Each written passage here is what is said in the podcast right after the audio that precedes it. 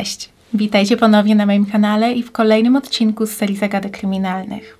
Dzisiaj zapraszam Was do wysłuchania jeszcze jednej niesamowitej historii przetrwania. Tym razem będzie to przypadek, który zapewne większość z Was dobrze zna, albo przynajmniej obił Wam się o uszy. Jest to niewiarygodna historia Arona Ralsona, która trafiła nawet na wielki ekran i zszokowała cały świat. Mam nadzieję, że dzisiaj uda mi się może ponownie zainteresować Was tą sprawą, może przypomnieć fakty albo uzupełnić wiedzę na ten temat. Jeśli chcielibyście teraz posłuchać sprawy Arona i jego trwającego 127 godzin koszmaru, to zapraszam Was do oglądania. Aaron Lee Ralson urodził się 27 października 1975 roku w Indianapolis. Gdy miał 12 lat, wraz z rodziną przeniósł się do Denver i uczęszczał tam do Cherry Creek High School. Ukończył studia wyższe na Uniwersytecie Carnegie Mellon w Pittsburghu. Uzyskał licencjat z budowy maszyn, a także zrobił specjalizację z francuskiego i gry na fortepianie. Latem pracował jako przewodnik raftingowy. Rafting zaliczany jest do sportów ekstremalnych i polega na spływie rzecznym, do którego używa się różnych rodzajów tratw, łodzi, pontonów lub kajaków. Gdy miał 26 lat, porzucił rozpoczętą kilka lat wcześniej pracę inżyniera w dużej korporacji. Swoje odejście uczcił w szczególny sposób. Najpierw wspiął się na Denali, najwyższy szczyt Ameryki Północnej. Później odbył półroczną podróż przez 26 stanów oraz Kanadę, po czym pod koniec 2002 roku osiadł w Aspen w Colorado. Tam zatrudnił się w sklepie ze sprzętem turystycznym.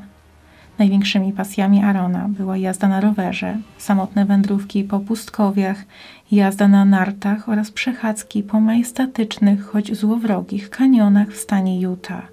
Uważał je za najpiękniejsze miejsce na Ziemi. Wcześnie rano, w sobotę 23 kwietnia 2003 roku, wybrał się na wyprawę do kanionu. Robił to już w przeszłości wielokrotnie i nigdy nie informował nikogo ze swoich bliskich o swoich planach. Zaparkował pick-upa na parkingu przy szlaku turystycznym prowadzącym do kanionu Horseshoe. Z samochodu zabrał rower górski oraz plecak. Miał ze sobą 20 kg sprzętu i zapasów. Wszystko, co powinno wystarczyć mu na spędzenie całego dnia w kanionie, na jeździe oraz wspinaczce i powrót do domu przed zmrokiem. Miał ze sobą 3 litry wody w termoizolacyjnym bukłaku, jedną litrową butelkę plastikową, oraz pięć batonów, dwa burrito i babeczkę czekoladową. Prawdziwy ciężar stanowił jednak sprzęt wspinaczkowy. Trzy zakręcone karabinki, dwa zwykłe, lekki przyrząd asekuracyjno-zjazdowy, dwa zwoje taśmy grubości centymetra, uprząż, lina długości 60 metrów, taśma rurowa długości 7,5 metra oraz narzędzie wielofunkcyjne z dwoma ostrzami i wbudowanymi kombinerkami plecaku miał także latarkę czołówkę, słuchawki, odtwarzacz CD z kilkoma płytami, zapasowe baterie, aparat cyfrowy i cyfrową minikamerę wideo. Wodoszczelną kurtkę zostawił w samochodzie, ponieważ dzień zapowiadał się ciepły i suchy. Czekała go licząca 45 km runda jazdy rowerowej i kanioningu, wędrówki po dnie systemu głębokich i wąskich wąwozów. W południe Aaron podążał rzadko odwiedzanym przez ludzi kanionem Blue John. Schodził do najwęższego odcinka wąwozu, gdzie ściany miały kilkanaście metrów wysokości i zbiegały się na szerokość nawet zaledwie 40 centymetrów. Przeszedł pod pniem drzewa i pokonał kilka zaklinowanych głazów przyniesionych tam niegdyś przez wodę. Tuż pod występem skalnym, na którym stał, znajdował się zaklinowany głaz, tkwiący mocno w tunelu między ścianami. Aaron stwierdził, że jeśli da radę na nim stanąć, to potem będzie miał do pokonania wysokość niespełna 3 metrów. Planował zawisnąć na nim na rękach, a później wykonać krótki skok na dno kanionu. Udało mu się stanąć na kamieniu, który jedynie lekko się zachwiał. Następnie zsunął się po zewnętrznej stronie głazu i zawisł na rękach. Jednak gdy zaczął się kołysać, poczuł, że kamień drży i w każdej chwili może spaść, dlatego natychmiast puścił się i wylądował na dnie kanionu. Gdy jednak spojrzał w górę, zobaczył, że głaz leci prosto na niego. Odruchowo zasłonił się ręką, żeby chronić głowę i wtedy kamień przygniótł jego lewą rękę do południowej ściany. Mężczyźnie udało się ją wyrwać, jednak głaz odbił się i przygniótł jego prawą dłoń na wysokości nadgarstka, a następnie zsunął się o kolejne 30 centymetrów, zdzierając skórę z jego przedramienia. Mężczyzna był w szoku, widząc, jak jego prawa dłoń zniknęła w niewyobrażalnie wąskiej szczelinie. Chwilę później adrenalina, która powstrzymywała poczucie bólu, zaczęła ustępować i Aaron z przerażeniem poczuł, jak jego dłoń jest kompletnie zmiażdżona. Desperacko próbował ją wyrwać, jednak bez skutku.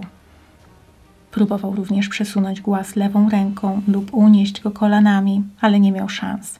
Pół godziny później stracił czucie w prawej dłoni. Udało mu się dotknąć kciuka wystającego spod głazu. Był on nienaturalnie wygięty i fioletowy.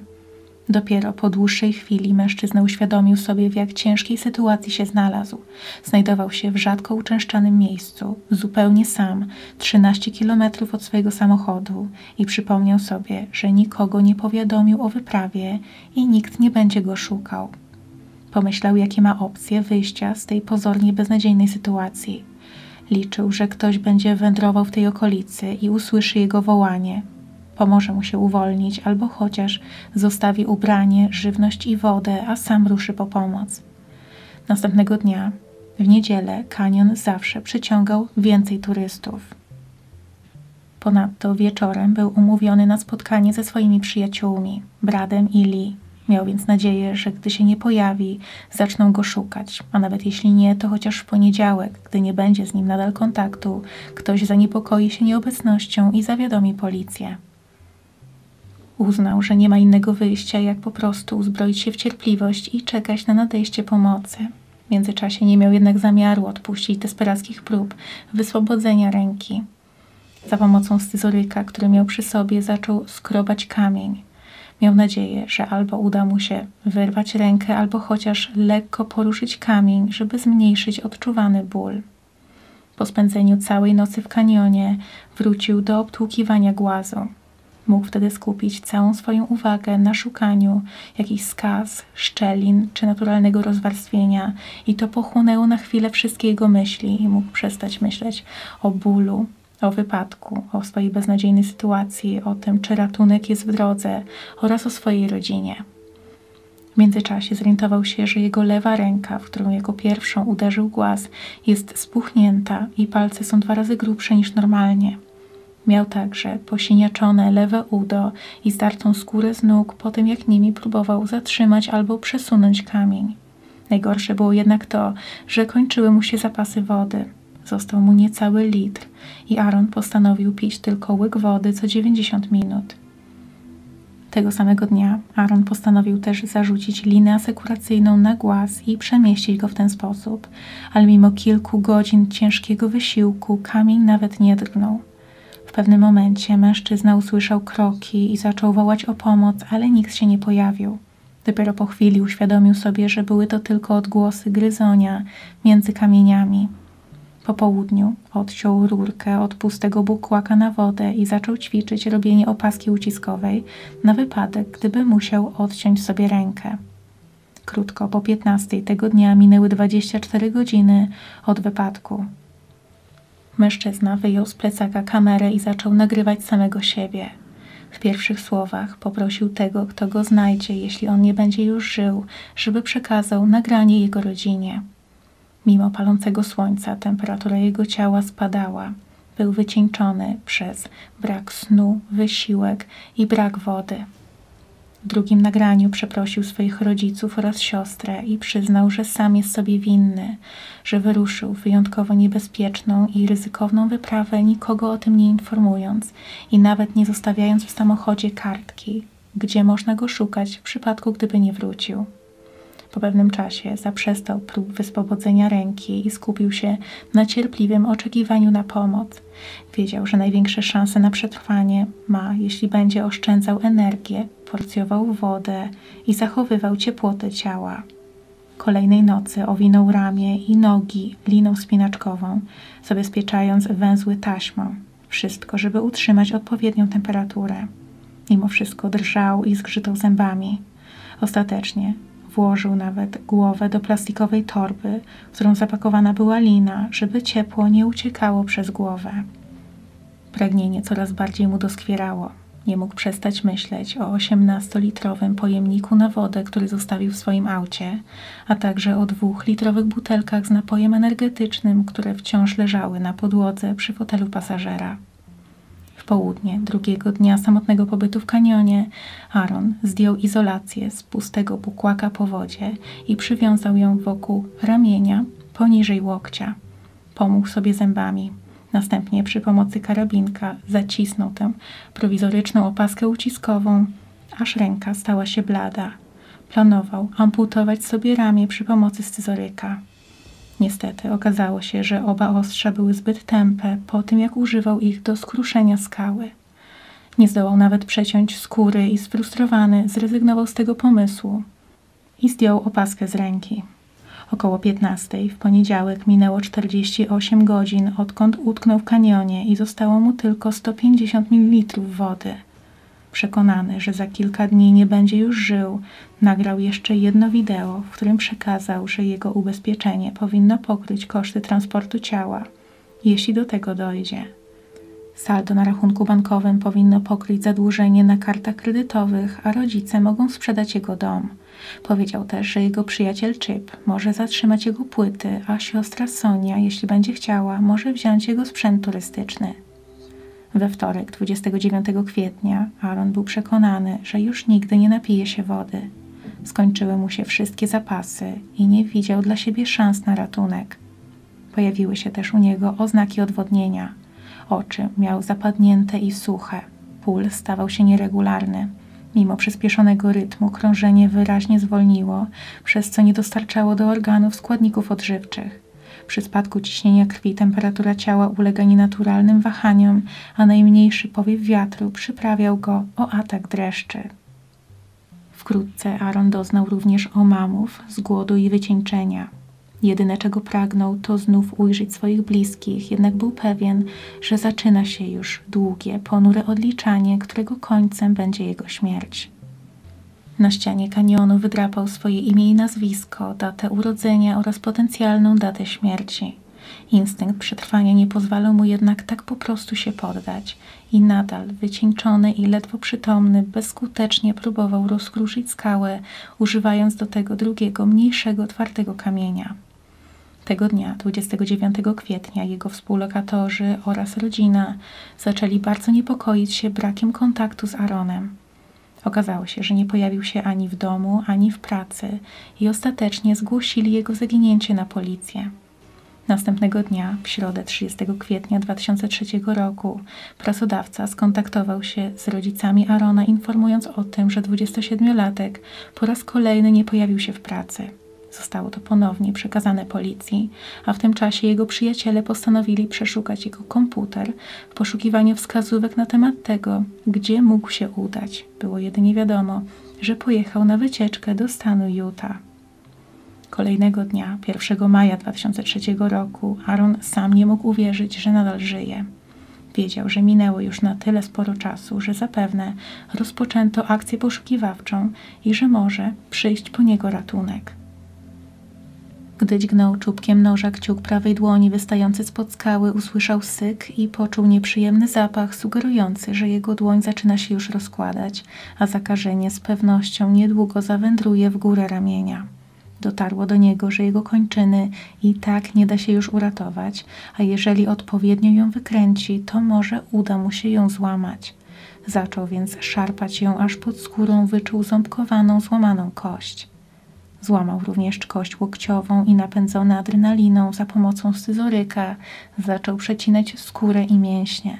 W następnej kolejności nałożył na rękę prowizoryczną opaskę uciskową z taśmy izolacyjnej i za pomocą kombinerek zaczął przecinać ścięgna. O 11.23 1 maja 2003 roku Aaron Ralson rozciął ostatnią warstwę skóry. Tak jak zakładał, poszukiwania już trwały. Tego samego dnia o 9 rano policji udało się zlokalizować, gdzie ostatnio dokonał płatności kartą i gdzie znajduje się jego auto. O 11.25 zebrano ekipę z zamiarem poszukiwań i uruchomiono helikopter. Zaledwie kilka minut później, o 11.34, Aaron włożył kikut prawej ręki do reklamówki, owinął ją żółtą taśmą, nałożył na to pusty pojemnik po wodzie i za pomocą taśmy owiniętej wokół szyi zawiesił rękę, tworząc prowizoryczny temblak. Następnie chwiejnym krokiem ruszył w dół kanionu. Kiedy udało mu się zjechać na linię na dół i stanął na ziemi, natychmiast rzucił się w stronę brudnej kałuży. Napełnił bukłak trzema litrami wody. Wiedział, że żeby dojść do miejsca, w którym zostawił pick-upa, musi przejść jeszcze 13 kilometrów. Po przejściu 3,5 kilometra napotkał ogrodzenie z drutu kolczastego. Domyślił się, że to granica Parku Narodowego i przeszedł przez otwór w ogrodzeniu. O 13.55 napełnił znów swoje pojemniki z wodą z kolejnej kałuży. Po 10 kilometrach wędrówki krew z odciętego ramienia zaczęła coraz bardziej się sączyć i kapać na ziemię. Na szczęście niedługo później Aaron w oddali zobaczył trzech turystów. Zaczął ich nawoływać i prosić o pomoc, a gdy się zbliżył, wyjaśnił, kim jest i co go spotkało. Okazało się, że turyści byli podróżnikami z Holandii i wyjaśnili, że gdy byli jeszcze na parkingu, to policja poinformowała ich, żeby wypatrywali w kanionie zagubionego Amerykanina. Gdy dowiedzieli się, że to właśnie on jest tym poszukiwanym mężczyzną, jedna z kobiet pobiegła z powrotem na parking, żeby wezwać pomoc. A mężczyzna, który z nim został, dał mu butelkę wody źródlanej, ciastka i zaczął nieść jego plecach. Około trzeciej po południu dotarli do środka kanionu i tam mógł wylądować helikopter ratunkowy. Aaron został przetransportowany do najbliższego niewielkiego szpitala. Czasie podróży ratownicy rozmawiali z nim, żeby nie stracił przytomności. Wypytywali o to, co się stało, i mimo wycieńczenia i obrażeń, 27-latek był w stanie dokładnie wszystko opisać, wskazując nawet na mapie miejsce, w którym utknął. O 15.45, po 127 godzinach od wypadku, Aaron Ralson był bezpieczny. O 16.30 funkcjonariusze dotarli do kanionu i zrobili kilka zdjęć, które miały posłużyć jako materiał dowodowy. Gdy w piątek mężczyzna odzyskał przytomność, dowiedział się, że przeszedł operację i został przetransportowany do szpitala w Colorado. Podczas dni spędzonych w kanionie stracił 25 kg oraz 1,5 litra krwi. Musiał przejść aż trzy operacje. Jego niewiarygodna historia trafiła do mediów i dowiedział się o niej cały świat. Aaron zaczął dostawać listy nie tylko od swoich najbliższych, ale także nieznajomych, których poruszył jego los. W czwartek 8 maja 2003 roku 27-latek zdołał samodzielnie się ubrać i udał się wraz z rodzicami na spotkanie z prasą. Niedługo później został wypisany ze szpitala, ale już w piątek 15 maja musiał ponownie tam trafić. Lekarze wykryli u niego groźną infekcję kości w prawym ramieniu. Była ona spowodowana przez brudny nóż, którym mężczyzna pozbawił się ręki. Ten sam nóż, który uratował mu życie, mógł teraz mu je odebrać. Na szczęście jednak 25 maja infekcja została całkowicie wyleczona i Aaron wrócił do domu. Przez kolejne cztery tygodnie był jednak wycieńczony i zdezorientowany ciągłymi podróżami, zażywaniem leków, kroplówkami, a także rozmowami z dziennikarzami i tłumami ludzi, które gromadziły się pod domem jego rodziców. Mężczyzna powoli zaczął także uczyć się funkcjonowania w swojej nowej rzeczywistości. Ćwiczył pisanie lewą ręką, zapinanie zegarka, a także zapinanie guzika przy mankiecie lewego rękawa koszuli za pomocą zębów. Nie miał też zamiaru pozwolić, żeby wypadek i spotkanie oko w oko ze śmiercią stanęło na drodze realizowaniu jego pasji do sportu. Przez całą zimę i wiosnę uprawiał wspinaczkę skałkową, kolarstwo górskie, wspinaczkę lodową, narciarstwo zjazdowe i biegowe. 17 i 18 marca 2004 roku zdobył samotnie górę Wilson i szczyt El Diente. W 2005 roku został pierwszą osobą, która wspięła się samotnie w zimie na wszystkie góry w Colorado o wysokości przekraczającej 4267 metrów. Jego ręka została wydobyta spod skały i skremowana, a Aaron odwiedził miejsce swojego wypadku, żeby rozsypać jej prochy w kanionie. Ralson opisał swoją niewiarygodną historię w książce zatytułowanej 127 godzin i w 2010 roku historia została zekranizowana w filmie o tym samym tytule, w którym w rolę Arona wcielił się James Franco. Jego historia stała się inspiracją dla wielu i niesamowitym przykładem woli przetrwania i siły ludzkiego ciała oraz umysłu. I to jest już koniec tego odcinka. Tak jak wspomniałam na początku, zakładam, że większość z Was już znała tę sprawę, jednak mam nadzieję, że dzisiaj dowiedzieliście się o niej czegoś nowego. Jeśli wiecie też coś, o czym tutaj nie wspomniałam, to koniecznie podzielcie się tym w komentarzach. Możecie tam też jak zwykle pisać propozycje tematów do kolejnych odcinków z tej serii lub miniserii o sektach. A teraz bardzo dziękuję Wam za oglądanie i do zobaczenia niedługo. Cześć!